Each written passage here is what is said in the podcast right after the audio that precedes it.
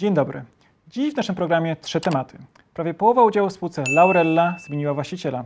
Wyjaśnimy o co w tym chodzi oraz jaką przyszłość czeka ta marka. Przyjrzymy się także alkoholowemu biznesowi Janusza Palikota. Jest pomysł, żeby wierzyciele zostali spłaceni, ale niekoniecznie w gotówce i dopiero za kilka lat. Jak zwykle porozmawiamy też o giełdzie papierów wartościowych w Warszawie. Zastanowimy się, dlaczego chętnych do wyjścia z giełdy jest sporo, a debiutantów nie ma wcale. Zapraszam na Immo Raport, najlepsze źródło wiedzy o grupie kapitałowej Immobile. Mikołaj Jerzy. Sławek Winiecki. Remigiusz Jaskot, ruszamy.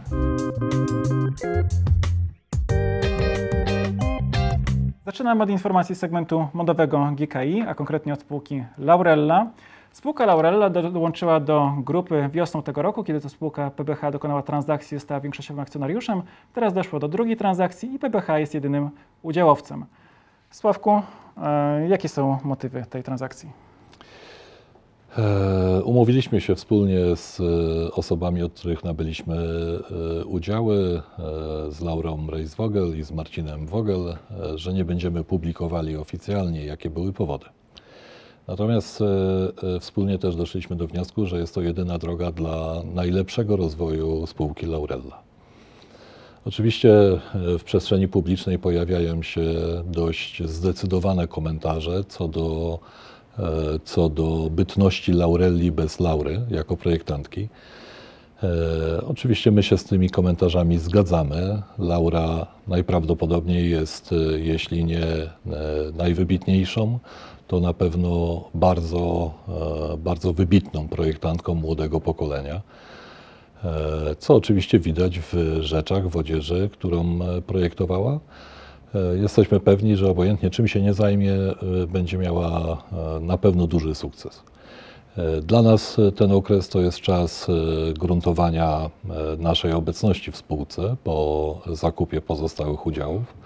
Będziemy oczywiście pracowali nad utrzymaniem ducha spółki i będziemy dalej rozwijali to w kierunku, którym e, Laura e, prowadziła tą spółkę. E, Oczywiście to, że nie ma już z nami e, Laury w spółce Laurella, e, to nie oznacza, że jeszcze przez jakiś czas nie będą realizowane projekty e, pochodzące spod e, ręki e, Laury. E, Obecnie zajmujemy się, obecnie zajmujemy się, mm, wiem, że może zabrzmieć to dziwnie, ale mm, zajmujemy się poznaniem e, spółki, szczególnie po stronie finansowej.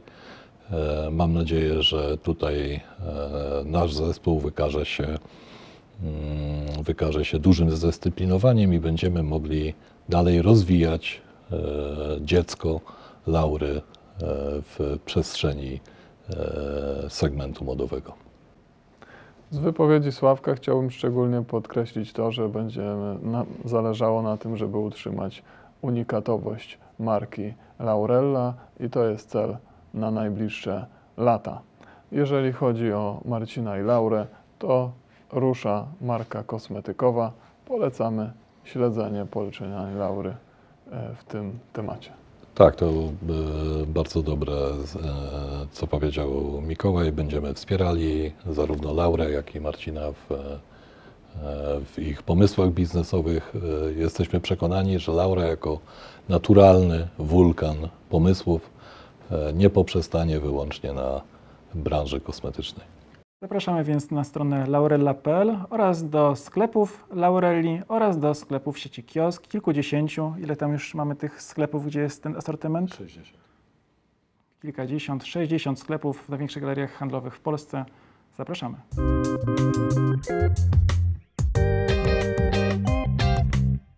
Spójrzmy na ceny akcji trzech spółek e, z uniwersum GKI. E, Grupa kapitałowa Immobile 2 zł 92 grosze, Atrem 6 zł 20 groszy, PJP Makrum 15 zł 70 groszy.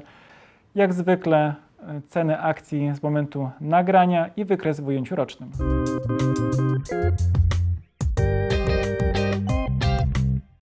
Zarząd manufaktury piwa, wódki i wina złożył propozycję układu i zamierza spłacić wierzycieli. Są cztery grupy wierzycieli. 100% należności razem z odsetkami otrzymają instytucje państwowe, czyli m.in. Urząd Skarbowy i ZUS. Całe należności w gotówce, ale już bez odsetek, zostaną zwrócone najmniejszym inwestorom, którzy powierzyli firmie maksymalnie po 25 tysięcy złotych. Trzecia grupa to więksi inwestorzy. Oni mają dostać 30% wierzytelności w gotówce, a resztę w akcjach, ale tylko pod warunkiem, że cała spółka lub jej część e, zostanie kupiona przez nowych lub obecnych udziałowców. I po czwarte, wierzyciele powiązani z manufakturą, jej spółkami zależnymi, e, czyli m.in. prezes Janusz Palikot. Oni otrzymają spłatę wyłącznie w formie akcji. Mikołaju, jak patrzysz na tę całą historię, mieliśmy boom taki chociażby internetowy, e, tych zbiórek, no i teraz mamy, zbliżamy się już być może do końca, propozycja układu. Jak to widzisz? Znaczy jest to spółka typu startup. No się nie udało. Szkoda wszystkich inwestorów, szczególnie tych, którzy nie byli świadomi tego, że biorą udział w startupie. W przypadku Polski jest to mimo wszystko coś nowego, takie oferty nie pojawiają się regularnie. W przypadku na przykład rynku amerykańskiego startupy są dość popularne i, i wtedy ci inwestorzy wiedzą, że wychodzi tylko jeden na ileś, a reszta e, idzie do, e, do jakiejś formy upadłości albo jakiejś formy e, rozliczenia z inwestorami, które nie jest przez nich e, korzystnie odbierane, czy jest stratą dla nich. Tutaj, to już mówiliśmy mm, e, na poprzednim nagraniu, ten startup też był, w, czy funkcjonuje w takim rynku, który w Polsce jest dość mocno regulowany e, i pewnie dość ciężko się przebić, więc no, ten, start, ten startup e, nie wyszedł, a te propozycje są pokłosiem tej powiedzmy dotychczasowej porażki tego projektu. My jako grupa kapitałowa Immobile mamy bardzo złe doświadczenia z upadłością układową. Eee, Zostaliśmy poszkodowani przez, e, przez e, jedną ze spółek. Eee, Przez pięć lat próbowała realizować układ, to niestety nie wyszło i skończyło się tym, że pokrzywdzeni są wszyscy, czyli spółka z upadłości układowej rozpoczęła upadłość e, definitywną. E, Oczywiście same przepisy, pamiętam kiedy one wchodziły w życie o upadłości układowej, ich celem była ochrona spółki, kontynuacja jej działalności przed wierzycielami. E, Myślę, że znamy jeden pozytywny przykład wspólnie spółki, którą e, obserwowaliśmy. Spółka została, to spółka giełdowa, spółka została zaatakowana, można powiedzieć, przez Urząd Skarbowy. E, Tak, jest to spółka Action. tak, spółka Action, która dostała, e, dostała kary z Urzędu Skarbowego. Po latach okazało się, że te kary, część tych kar, przynajmniej Była część była niezasadna. niezasadna. Spółka przeprowadziła skuteczną upadłość sanacyjną, czy upadłość e, e, u- układową. Najpierw sanacyjną, najpierw potem sanacyjną, się to tak. skończyło układem. I... Spółka funkcjonuje, zachowała pozycję na rynku, oczywiście nie taką, jaką miała w momencie, kiedy te zdarzenia miały miejsce, ale i tak poradziła sobie świetnie. E, e, Trzymam kciuki, żeby cokolwiek dało się z tej spółki e, odzyskać. E, Głównie dlatego, że tak jak powiedział Mikołaj, jest to startup, więc nie, był, nie ma dużej masy, którą da się podzielić. Spółka Action miała gigantyczne przychody ze sprzedaży, Tak, dużo gigantyczny magazyn, bardzo dużo majątku i dlatego być może udało się e, tej spółce przetrwać. Janusz Palikot, który był twarzą i prezesem tego całego projektu, e, zbiera cięgi w internecie, jest krytykowany, no ale on mówi tak, po pierwsze były problemy na rynku, czyli wzrost cen opakowań szklanych i ym, spadek konsumpcji piwa. Po trzecie, spółka nie osiągnęła tej masy, którą on, on planował. I jego zdaniem mm, dołączyła do tego kampania medialna przeciwko reklamie alkoholu. I mówi tak. Zaryzykowałem całym swoim majątkiem. Zostawiłem domy, które mam, sprzedałem nieruchomości, ruchomości. No i teraz firma ma wobec niego 26 milionów złotych zobowiązań. No, myślę akurat tutaj, że Janusz Palikot powinien natychmiast wytoczyć pozew cywilny zarządowi, bo rzeczy, o których e, prezesowi zarządu, bo rzeczy, o których Janusz Palikot opowiada, są kalkulacją ryzyk, które są e, e, immamentną cechą pracy każdego e, zarządu spółki prawa handlowego. Więc ja doradzam pozew. Rozumiem, że będzie trudny, bo Janusz Palikot dowodził jednoosobowo tą spółką pewnie. –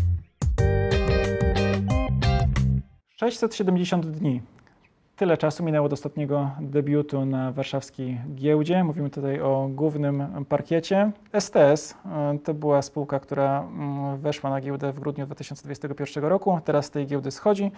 Jak pisze parkiet, jeśli dojdzie do zapowiedzianego delistingu takich spółek jak Ciech, Kernel, Team i kilka innych, to znikną z giełdy akcja wartości 12 miliardów złotych i to jest 2% em, kapitalizacji wszystkich krajowych emitentów na rynku głównym GPW. Dlaczego spółki odchodzą z giełdy, a nikt nie chce na nią wejść? Po efektach ich poznacie. To ciężka, wieloletnia praca polityków, e, ciężka, wieloletnia praca oszustów prowadzących spółki, to ciężka praca akcjonariuszy, którzy e, pokazywali, że giełda jest e, bananowa, oszukując innych akcjonariuszy. To ciężka praca audytorów, którzy tracą licencję, to ciężka praca regulatora. No, generalnie to jest następstwo, a nie chwilowe zniechęcenie. Po prostu tak długo był rynek finansowy uderzany przez różne osoby, że cóż, no, mam nadzieję, że ten niechlubny rekord nie będzie jakoś się tam trzy, czterokrotnie powiększał. Ja rozumiem e, e, firmy, które próbują zejść, bo od momentu, kiedy weszły regulacje, czyli zasady gry zmieniły się wielokrotnie i to niekorzystnie dla tych e, firm, nie ma nic atrakcyjnego. Kiedyś to był splendor, kiedyś spółka na giełdzie oznaczało, że spółka jest transparentna, że spółka jest dużą spółką, dużym podmiotem. Dziś bycie na giełdzie przy obecnym PR-ze rynku finansowego, nie wiem, czy to jest splendor. No, przykre, po prostu przykre. Znaczy przy ostatniej silnej e, hoście tego roku, która się zakończyła w 2008 roku, to w zasadzie wszystkie rynki w Polsce rosły. Mam tu na myśli rynek nieruchomości, miał wysokie ceny nieruchomości, wtedy były wysokie e, ceny akcji, były, było dużo kapitału na rynku. No wiadomo, przyszedł kryzys, coś się e, popsuło. Po kryzysie dużo takich uderzeń w ten rynek później było. Między innymi kradzież OFE była takim czymś, co spowodowała i cała ta otoczka od tego, że giełda to kasyno. Politycy mówili, że to nie twoje pieniądze i tak dalej, i tak dalej.